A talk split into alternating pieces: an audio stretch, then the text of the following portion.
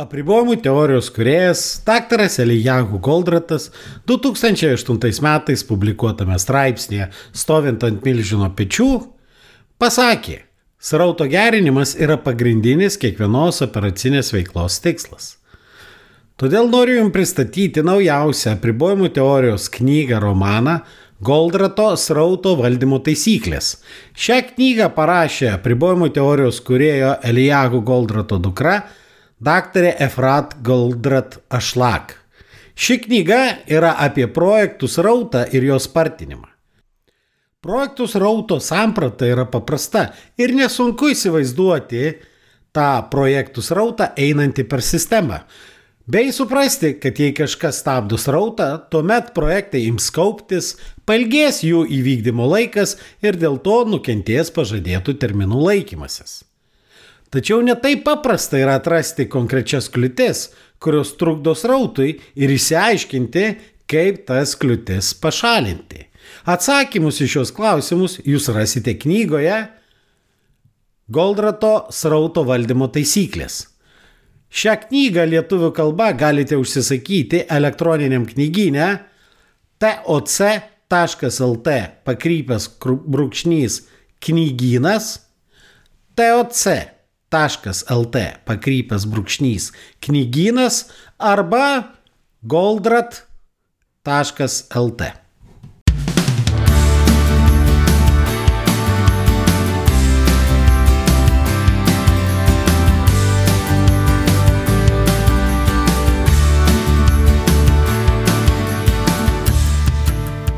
Sveiki, jūs klausotės podkasto Nuo amato prie verslo kuriame tikima, kad verslas turi būti pajamų, pasiekimų ir pasitenkinimo šaltinis, o ne tik kelti stresą ir deginti laiką.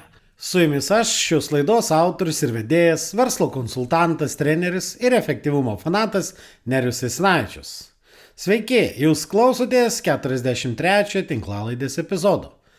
Šiandien aš norėčiau pratesti pardavimų temą, apie kurią su svečiu Tomu kalbėjausi ankstesnėje savo laidoje. Kodėl pardavimai tampa tokie aktualūs? Nes visi jau pradeda kalbėti apie krizę, apie ekonominį nuosmokį, kad trūksta pinigų, klientai pereina į taupimo režimą ir prasideda paralyžius ir labai smarkiai krenta pardavimai. Tačiau įmonės tikslas vis tiek išlieka tas pats turime uždirbti pinigų šiandien ir ateityje. Ir kiek mes betaupytume, jeigu neužtikrinsime gerų pardavimų, pinigų neuždirbsime. Ką aš vadinu pardavimais? Iš tikrųjų, daugelis žmonių, kurie sakosi esą pardavėjai arba sako, kad jie dirba pardavimuose, iš tikrųjų jie nėra tie tikrieji pardavimai ir jie nedaro tų pardavimų. Mano supratimu, pardavimai tai yra naujų klientų suradimas ir sutarčių su naujais klientais sudarimas. Pardavimais negalima kalbėti esamų klientų aptarnavimą ar pakartotinus pardavimus, užsakymų įvykdymą esamim klientam. Taip, klientų aptarnavimas pakartotiniai pardavimai yra labai svarbi verslo funkcija, kuri užtikrina, kad mes maksimaliai išnaudojam savo klientus. Tai yra, mes iš jų pasiemam maksimalę pinigų sumą, suteikdami tiem klientam vertę. Juk jeigu mes tiem klientam vertės nesuteiktumėm, jie nepirktų iš mūsų pakartotinai. Todėl kliento aptarnavimas yra labai svarbi funkcija, tačiau tai nėra pardavimai.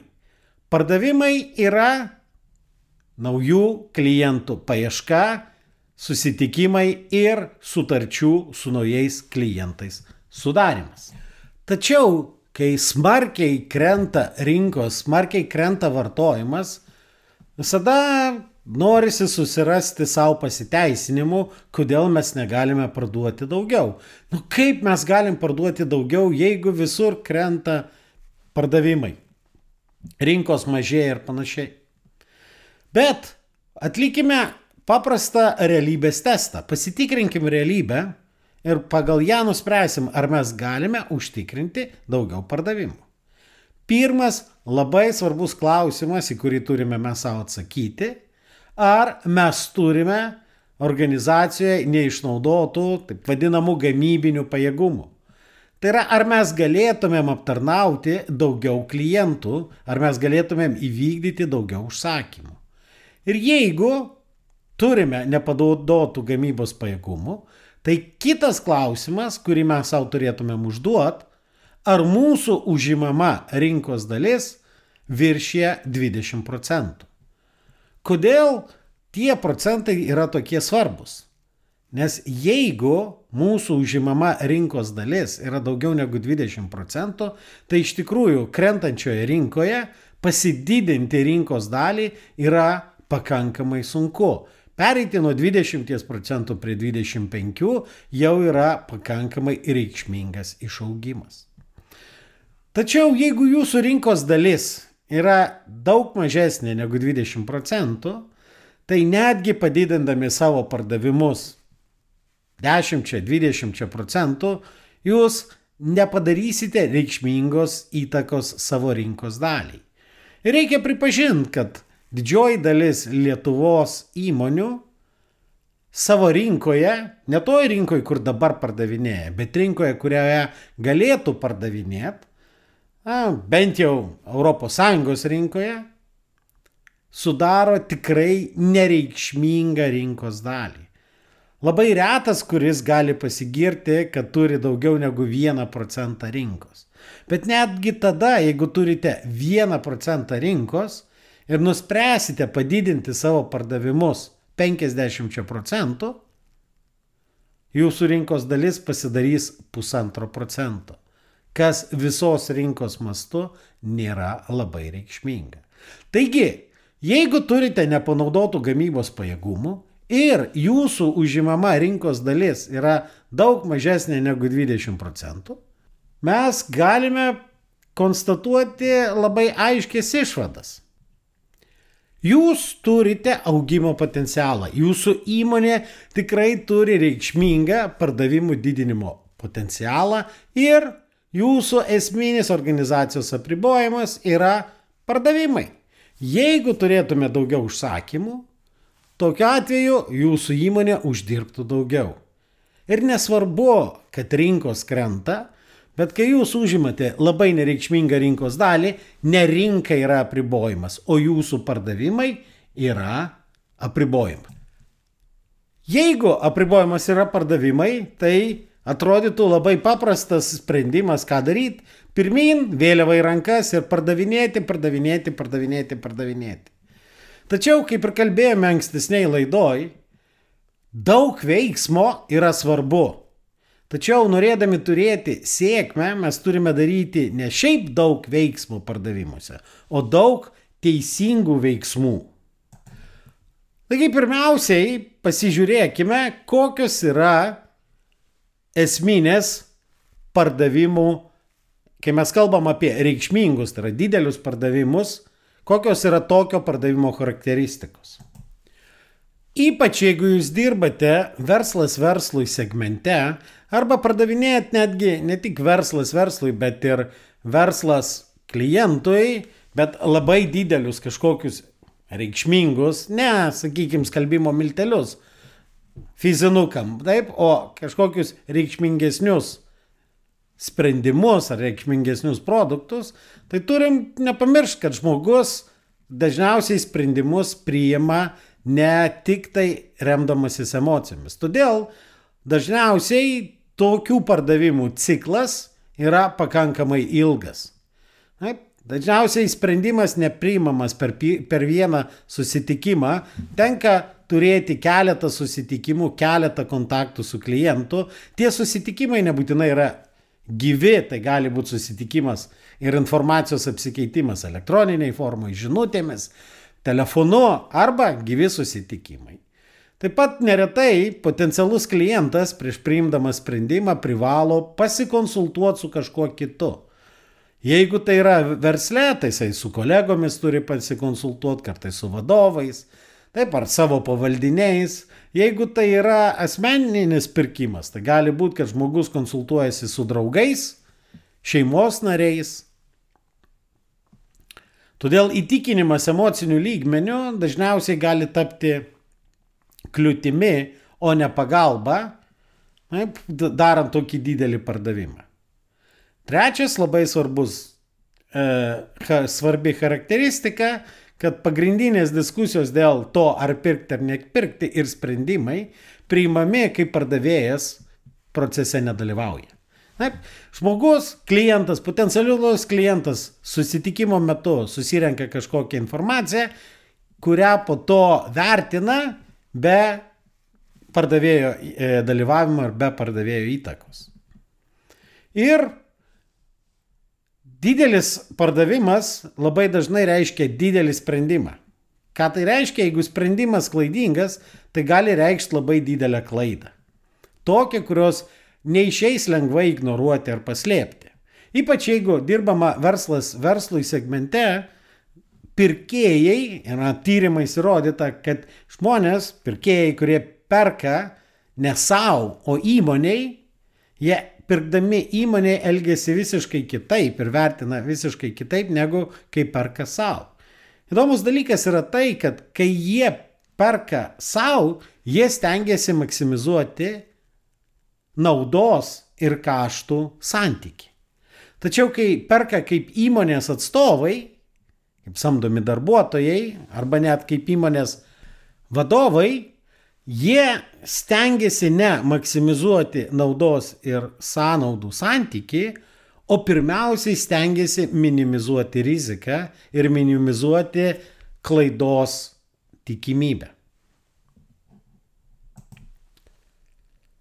Ir labai svarbu atkreipdėmėsi į kitą tyrimą, kuris buvo atliktas stebint 305 tūkstančius įvairiausių pardavimų susitikimų įvairiose valstybėse per daugiau negu kaip 12 metų laikotarpį, buvo pastebėtos šios tendencijos. Pirmiausiai, kuo daugiau atsiranda prieštaravimų dėl teikiamo pasiūlymo ar produkto, Yra, kuo daugiau klientas tų prieštaravimų išsako, tuo didesnė tikimybė, kad sandoris, tai yra pardavimas, neįvyks.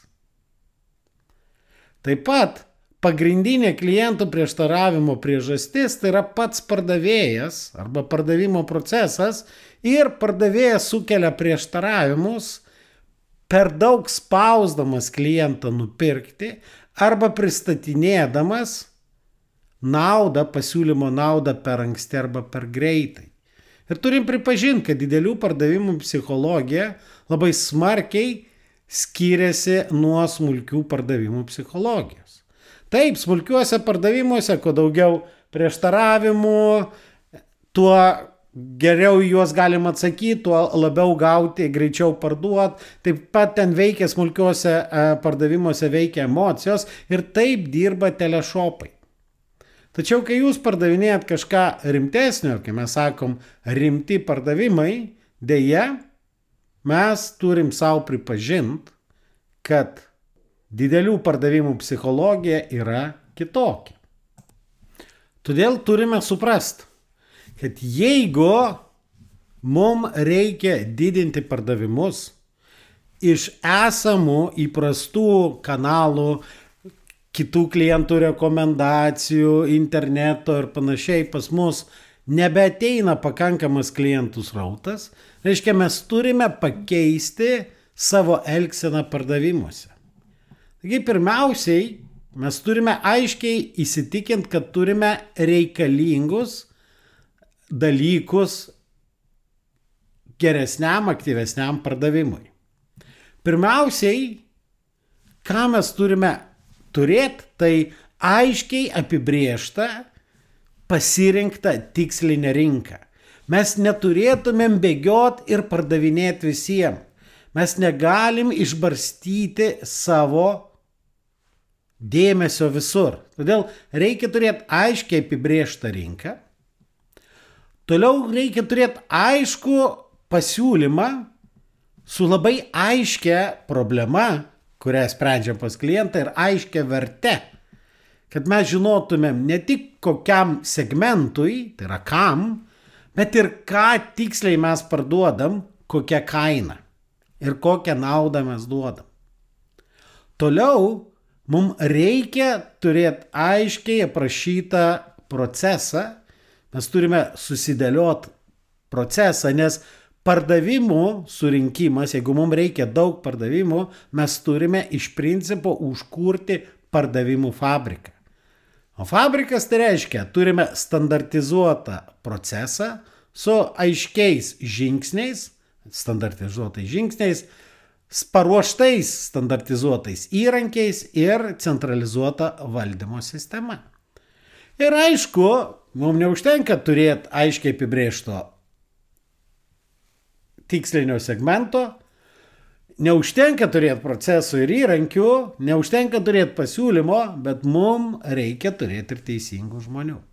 Tačiau turėjimas, teisingų žmonių turėjimas yra būtina, bet nepakankama sąlyga. Jeigu mes teisingiam savo pardavėjim neduosime nei gerų įrankių, nei aiškiai nesufokusuosim jiem, į kokias rinkas jie turi pardavinėti, geras pardavėjas pats atsirinks kažkokią rinką, bet jinai nebūtinai bus ta, kuri yra naudingiausia įmoniai.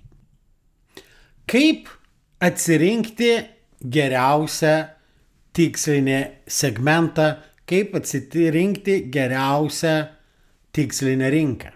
Pirmiausiai, Jūs turite pasižiūrėti iš esamų rinkų, iš esamų klientų, kuriuose segmentuose jūsų pralaidumas, ta vadinama sukūriama pridėtinė vertė, yra didžiausia. Kur jūsų mažiausiom pastangom gaunate daugiausiai pralaidumo, daugiausiai pridėtinės vertės. Taip pat reikia pasižiūrėti, kurioj sferoj kuriam segmente jūs labiausiai gyrė jūsų klientai. Jeigu jūsų įmonė veikia ne pirmus metus, tikriausiai turite klientus, kurie yra patenkinti, kurie ir moka nemažiausią kainą ir tuo pat metu jie yra patenkinti jūsų teikiamom paslaugom ar teikiamais produktais. Ir tada reikia pasižiūrėti, o tai kas yra pas tuos klientus bendro, kokią kertinę problemą jūs jiem išsprendėt, kokią jūs vertę jiem duodat. Taip, tai pasižiūrėt, kurioje sferoje jūs kiečiausi. Ir tokius klientus, kurie be didesnių jūsų pastangų jūs labai vertina, reiškia, jūs tiem klientams, tokiem klientams sukūrite didžiausią vertę. Taip? Ir tai leidžia jums nustatyti, kokiem potencialiem klientam jūs galite duoti didžiausią vertę. Kai pasirinkote vieną ar du tikslinius segmentus, tada galima pakalbėti apie tai, o kokį pasiūlymą jiem paruošti. Kaip parodyti jiem pakankamai didelę vertę, kad nepaisant visų krizių, nepaisant taupimų ir panašiai, jie vis dėlto iš jūsų pirktų. Juk geras pasiūlymas, gerai suformuoluotas pasiūlymas yra labai svarbus sėkmingam pardavimui. Nes jeigu pasiūlymo detalės nėra aiškiai išdėstytos, nėra aiškiai parodyta nauda klientui, tai labai lengvai galima sužlugdyti net geriausio pasiūlymo pardavimą. Ypač jeigu pasiūlymo detalės nesumažina rizikos klientui arba neišryškina, neparodo tos naudos klientui ar jų įmonėm, tuomet belieka diskutuoti tik apie vieną dalyką - kokio dydžio nuolaidą mes galime duoti. Arba iš vis neparduoti. Tačiau apie tai, kokie turėtų būti žingsniai formuluojant pasiūlymą, pakalbėsime kitoje laidoje, kitame epizode. O kol kas jums kaip namų darbas, jeigu jūs norit padidinti pardavimus, iš tikrųjų peržiūrėti savo tikslinės rinkas ir pasižiūrėti, ar tikrai jūs skiriate dėmesį teisingiam potencialiem klientam. Nes pastangos parduoti neteisingiam potencialiem klientam, tai ne tik išvaisto vertingus jūsų išteklius, pardavėjų laiką, netgi pardavimo įvairias investicijas ir išlaidas, bet gali sudaryti įspūdį, kad iš tikrųjų yra krizė ir nieko parduoti neįmanoma. Arba kad jūsų produktas visiškai netinkamas. Nes kaip ir praeitoj laidoj išnekėjom, ką mes turim suprasti, kad geras pardavėjas yra ne tas, kuris sugebės parduoti šukas plikiui. Nes geras pardavėjas yra tas, kuris net nepardavinės šūkų plikiui, o ieškos klientų, kuriem tikrai šukos yra reikalingos ir kuriem šukos išspręs kažkokias problemas. Tai šiandien tiek ir susimatysime, susigirdėsime kitame epizode. Dėkoju, kad klausėtės. Ir nepamirškite užsiprenumeruoti šį podcastą, kad visuomet gautumėte informaciją apie naujausias laidas. Taip pat būsiu labai dėkingas, jei įvertinsite šį podcastą palikdami atsiliepimą savo įprastoje podcastų platformoje. O jei pažįstate kažką, kam jūsų nuomonė šis podcastas būtų naudingas, būtinai pasidalinkite. Iki!